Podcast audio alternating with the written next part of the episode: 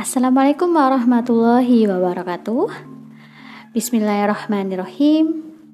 Selamat datang kembali di podcast MPPM bersama saya Eka Restimulan.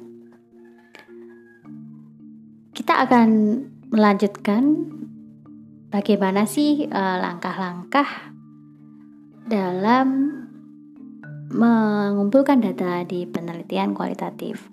Tapi kita lebih fokus terkait hmm, bentuk data yaitu yang diambil melalui proses wawancara dan kuesioner.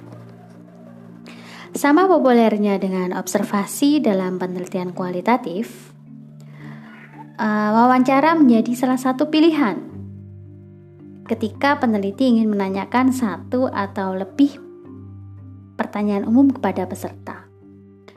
Pertanyaan yang terbuka kemudian menjawab uh, mencatat jawaban dari peserta.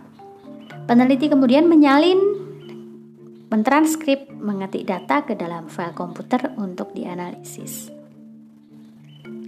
Dalam penelitian kualitatif, kamu mengajukan pertanyaan terbuka sehingga para peserta dapat menyuarakan pengalaman mereka tanpa kendala oleh perspektif peneliti ataupun temuan dari dari penelitian sebelumnya. Suatu respon terbuka untuk pertanyaan memungkinkan peserta untuk membuat pilihan di dalam melakukan respon. Misalnya, dalam suatu penelitian, kamu melakukan wawancara ke salah satu siswa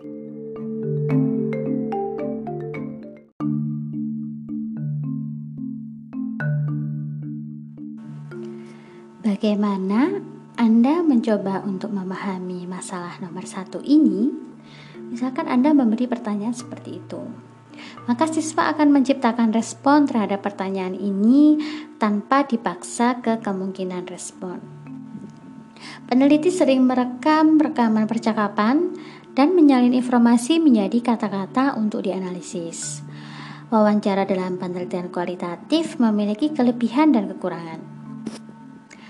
Kita perlu tahu beberapa kelebihannya adalah bahwa wawancara memberikan informasi yang berguna ketika kamu tidak dapat secara langsung mengamati peserta. Dan wawancara juga memberikan uh, jalan kepada peserta untuk menggambarkan informasi pribadi yang terperinci. Dibandingkan dengan pengamat, pewawancara juga memiliki kontrol yang lebih baik atas jenis informasi apa yang akan ia terima. Karena pewawancara dalam uh, dalam hal ini dapat mengajukan pertanyaan yang spesifik untuk memperoleh informasi. Namun ternyata ada ke kelemahannya bahwa wawancara hanya menyediakan informasi yang disaring melalui pandangan pewawancara. Juga mirip dengan pengamatan. Data wawancara juga mungkin menipu dan memberikan perspektif yang diinginkan oleh orang yang diwawancarai untuk didengar oleh peneliti. Oleh peneliti. Kelemahan lainnya adalah bahwa kehadiran peneliti dapat mempengaruhi respon dari orang yang diwawancarai. Tanggapan orang yang diwawancarai juga mungkin tidak jelas dan juga tidak tanggap. Selain itu, masalah peralatan mungkin uh, juga menjadi masalah karena kamu perlu mengatur peralatan rekaman dan juga peralatan transkrip jika ada sebelum kamu melakukan wawancara. Berbagai peralatan seperti micro SD dan lain sebagainya, alat penyimpanan itu juga sangat amat penting serta e, menjadi kekurangan tersendiri dari proses wawancara. Kemudian Anda juga perlu memberikan perhatian pada saat percakapan dengan peserta karena dengan perhatian ini mungkin memerlukan sedikit bicara, uh, menangat, menangani ledakan emosi dari uh, yang diwawancarai. Kita perlu menggunakan ice breaking untuk mendorong seseorang agar mau berbicara dan lain sebagainya. Dengan semua masalah ini untuk menyeimbangkan, tidak heran jika uh, jika peneliti tidak berpengalaman dalam mengungkapkan hal-hal baru, maka akan kesulitan saat melakukan wawancara. Kita lanjutkan untuk saya akan mencoba membahas lebih lanjut terkait jenis wawancara dan pertanyaan terbuka tentang kuesioner. Nah, setelah kamu memutuskan untuk mengumpulkan uh, data melalui wawancara pada penelitian kualitatifmu, maka kamu perlu juga mempertimbangkan bentuk interview apa yang paling membantu di dalam kamu memahami masalah utama atau fokus utama dari penelitian. Ada sejumlah pendekatan yang digunakan untuk mewawancarai dan juga bagaimana menggunakan pertanyaan terbuka tentang kuesioner. Pendekatan wawancara yang akan digunakan itu juga tergantung dari aksesibilitas individu, biaya, serta jumlah waktu yang tersedia. Kita coba bahas uh, jenis yang pertama yaitu wawancara satu lawan satu, one by one.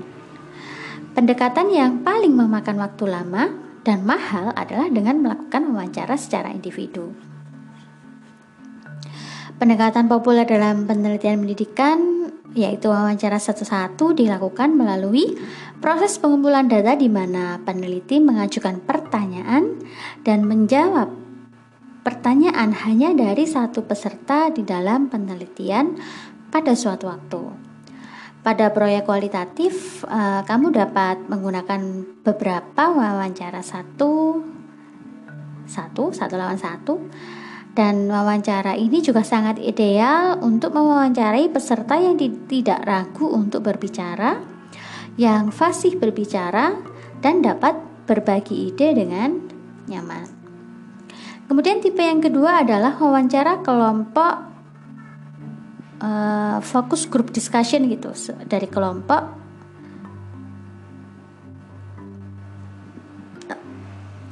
uh, jadi jenis wawancara ini digunakan untuk mengumpulkan pemahaman bersama dari beberapa individu serta untuk mendapatkan pandangan dari orang-orang tertentu. Jadi kita melakukan suatu wawancara di dalam suatu kelompok tertentu biasanya 4 sampai 6 orang. Peneliti mengajukan sejumlah kecil pertanyaan yang umum untuk memunculkan tanggapan dari semua individu di dalam kelompok itu. Kelompok fokus ini uh, sangat menguntungkan ketika interaksi di antara orang-orang yang diwawancarai akan menghasilkan informasi yang terbaik dan ketika orang yang diwawancarai mirip dan bekerja satu sama lain. Wawancara ini juga berguna ketika waktu untuk mengumpulkan informasi terbatas.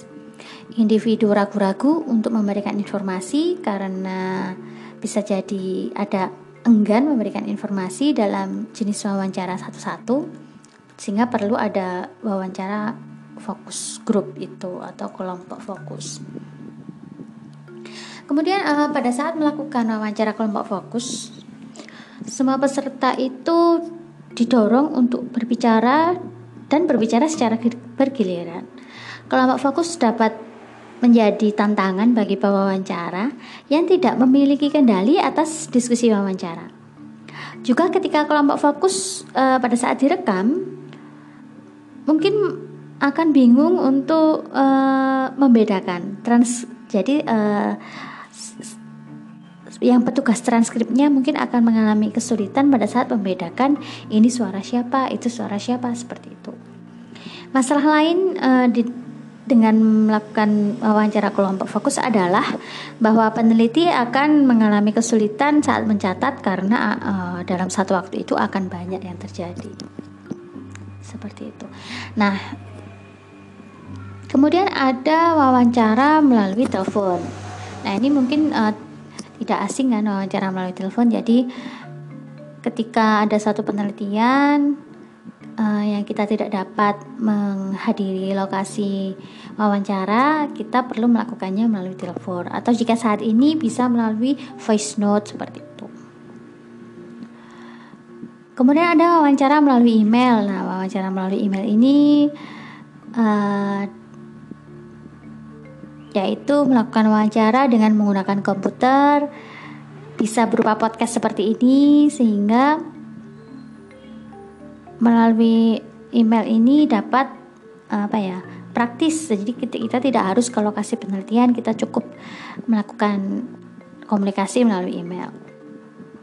Namun uh, wawancara melalui email ini menimbulkan masalah etika yang kompleks karena bisa jadi uh, apa ya dalam beberapa keadaan akan sulit mendapatkan daftar email yang baik untuk individu yang cocok hmm, cocok menjadi subjek dari penelitian Anda. Kemudian uh, kan nggak mungkin meneliti siswa yang di bawah 10 tahun melalui email. Nah, ada beberapa keterbatasan seperti itu. Kemudian ada open-ended question, open-ended question melalui kuesioner. Nah, melalui kuesioner ini uh, kamu dapat mengajukan beberapa pertanyaan yang tertutup kemudian ada ataupun beberapa pertanyaan yang terbuka. Nah, keuntungan dari jenis pertanyaan ini adalah bahwa dengan tanggapan tertutup uh, yang kamu telah tentukan sebelumnya dapat mencari informasi yang berguna untuk mendukung teori dan konsep dalam literatur. Namun ta untuk tanggapan yang terbuka memungkinkan uh, kamu untuk mengeksplorasi alasan dari tanggapan tertutup serta mengidentifikasi komentar yang mungkin dimiliki oleh orang yang berada di luar tanggapan terhadap pertanyaan tertutup. Kelemahan dari pendekatan ini adalah bahwa uh, ketika kamu memiliki banyak respon, ada yang beberapa pendek, ada yang beberapa panjang. Nah, untuk dianalisis. Jadi ketika dianalisis kalau terlalu banyak responnya juga akan uh, sulit mengidentifikasinya. Kemudian uh, respon yang terlepas dari konteks. Nah, ini kan kadang ada orang ketika diberi kuesioner menjawabnya tidak sesuai dengan konteks. Ini berarti bahwa uh, tanggapan yang diberikan itu tidak memiliki basis data yang dikembangkan sepenuhnya dengan perincian yang kaya seperti yang sering dikumpulkan dalam penelitian kualitatif. Nah, untuk menganalisis tanggapan terbuka, peneliti kualitatif kadang mencari tema yang tumpang tindih dalam data terbuka dan beberapa peneliti menghitung jumlah tema atau berapa kali peserta menyebutkan tema itu. Sebagai contoh, seorang peneliti mungkin mengajukan pertanyaan tertutup yang diikuti oleh pertanyaan terbuka. Misalkan seperti ini, tolong beritahu saya sejauh mana pemahaman Anda terkait uh, materi ini, misalkan. Apakah Anda uh, apakah Anda sangat paham? Apakah kamu paham? Apakah kamu ragu-ragu dan seterusnya? Tolong jelaskan, beri tanggapan lebih terperinci. Nah, dalam contoh ini peneliti mulai memulai dengan pertanyaan tertutup dan lima kategori respon yang yang ditambang kemudian mengikutinya dengan pertanyaan terbuka yaitu tolong jelaskan tanggapan Anda itu berupa pertanyaan terbuka di mana para peserta menunjukkan alasan untuk tanggapan e, mereka. Oke, kita lanjutkan ke setelah kita memilih tipe atau jenis wawancara yang kita gunakan, maka kita perlu melakukan wawancara. Nah, dalam melakukan wawancara ada beberapa langkah umum yang dilibatkan baik dalam membuat wawancara atau dalam melakukan wawancara atau membuat kuesioner terbuka. Yang pertama adalah kita perlu mengidentifikasi orang yang diwawancarai. Otomatis berarti kita harus menggunakan metode purposeful sampling yang sudah kita bahas pada episode uh, eh, 2. Kemudian uh, tentukan jenis wawancara yang akan digunakan. Nah, ini kita mau pakai wawancara satu-satu atau wawancara pakai voice note, telepon, eh, wawancara fokus grup atau wawancara jenis yang lain. Kemudian yang ketiga selama wawancara, rekam pertanyaan dan juga tanggapan. Ini akan memberi catatan kepada Anda uh, kepada teman-teman terkait percakapan yang akurat. Gunakan prosedur perekaman yang memadai untuk wawancara satu lawan satu dan gunakan mikrofon pengarah yang cocok uh, untuk wawancara kelompok fokus. Jadi setiap orang ya harus punya harus di, uh, punya akses suaranya agar terekam di mikrofon. Kemudian memiliki alat perekam dan adapter telepon yang memadai untuk wawancara telepon. Nah, ini kalau pakai wawancara telepon. Tapi sekarang udah kayaknya udah canggih ya, ada wawancara lewat WA itu bisa lewat voice note. Pahami pahami program surat secara menyeluruh untuk wawancara melalui email. Nah, ini jika pakai email. Kemudian yang keempat, buat catatan singkat selama wawancara. Nah, meskipun ini merupakan uh, latihan yang baik untuk merekam wawancara, membuat catatan itu penting jika kaset perekamnya rusak, jika alat perekamnya itu bermasalah, uh, maka Anda tetap bisa merekam catatan-catatan itu pada formulir yang disebut protokol wawancara. Nanti akan dibahas pada di lain episode. Ketahuilah bahwa catatan yang diambil selama wawancara mungkin saja tidak lengkap karena sulitnya mengajukan pertanyaan dan menulis jawaban pada saat yang bersamaan. Bentuk sikat untuk menulis pertanyaan itu bisa kita pakai frase pendek diikuti tanda hubung sehingga um, mempercepat proses wawancara. Jadi ya kayak kita buat alur-alur seperti itu. Kemudian yang kelima, temukan tempat yang tenang dan cocok untuk melakukan wawancara. Ini juga merupakan salah satu hal penting. Ketika kita melakukan wawancara itu harus bebas dari gangguan. Dan juga memungkinkan untuk direkam. Dan juga harus nyaman bagi bagi uh, bagi respondennya bukan responden bagi partisipannya harus nyaman. Kemudian yang keenam dapatkan persetujuan dari orang yang diwawancarai untuk berpartisipasi dalam penelitian ini. Nah Tentunya kita perlu mendapatkan persetujuan dengan meminta orang yang diwawancarai untuk mengisi formulir persetujuan ketika pertama kali kita tiba di lokasi penelitian. Bahkan sebelum memulai wawancara, kita perlu sampaikan juga kepada peserta terkait tujuan penelitian. Kemudian kapan kira-kira waktu wawancara akan selesai? Terus rencananya hasil wawancaranya untuk apa? Ketersediaan tingkatan penelitian nanti ketika uh, penelitian selesai bagaimana seperti itu. Kemudian yang ketujuh harus kita harus memiliki rencana yang uh, apa ya rencana plan A, plan B tapi tetap fleksibel. Selama wawancara kita bisa menandai pertanyaan yang cukup fleksibel untuk mengikuti percakapan orang yang kita wawancarai. Kita lengkapi pertanyaan dan waktu yang ditentukan untuk menghormati dan bersikap sopan kepada para peserta.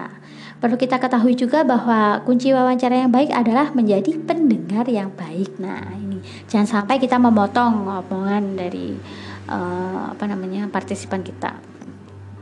Kemudian uh, yang kedelapan adalah gunakan pertanyaan-pertanyaan penyelidik atau probe question, probe question untuk mendapatkan informasi tambahan. Apa itu probe question? Yaitu sepertanyaan di bawah setiap pertanyaan yang peneliti minta untuk mendapatkan lebih banyak informasi. Manfaatnya untuk apa? Manfaatnya adalah untuk memperjelas poin atau meminta uh, narasumber yang kita wawancarai itu untuk mengembangkan ide. Pertanyaan penyelidikan ini bervariasi mulai dari yang ada yang bersifat mengeksplorasi konteks secara mendalam, ada yang diminta untuk mengklarifikasi atau memperdalam jawabannya sehingga lebih rinci, seperti itu. Nah, uh, apalagi ketika ternyata kita sedang bertanya, ternyata uh, narasumbernya yang diwawancara itu menjawabnya gak banyak, misalkan seperti ini. Uh, pada saat pembelajaran, apa yang kamu lakukan di dalam kelompokmu? Kemudian dia menjawab, tidak banyak. Nah, cuma seperti itu. Dia hanya simple menjawab seperti itu, sehingga perlu yang namanya uh, question question itu ya itu tadi ada yang untuk klarifikasi ada yang untuk elaborasi elaborasi elaborasi itu berarti uh, kita dalami lagi misalnya ah coba dijelaskan lebih lanjut lagi bisakah kamu menjelaskan responmu itu lebih detail uh, saya butuh yang lebih detail apa maksudnya tidak banyak itu nah dikasih pertanyaan seperti itu. Tapi kalau kita ingin mengklarifikasi berarti ya coba uh, kemukakan apa diskusi yang kamu punya dengan temanmu. Kemudian oh gimana peran gurunya dari diskusi kamu tadi? Misalkan seperti itu. Kemudian yang kesembilan adalah bersikap sopan dan profesional saat wawancara selesai. Nah, ini juga penting untuk melengkapi proses wawancara. Kita juga harus mengucapkan terima kasih kepada peserta, meyakinkan dia tentang kerahasiaan jawaban dan juga bertanya apakah uh, dia ingin ringkasan hasil penelitian. Seperti itu. Nah, secara umum itu langkah-langkah yang perlu kita lakukan jika kita ingin melakukan wawancara. Sampai jumpa di pertemuan berikutnya. Sudah cukup panjang podcast kali ini. Terima kasih, semoga bermanfaat. Bye. Wassalamualaikum warahmatullahi wabarakatuh.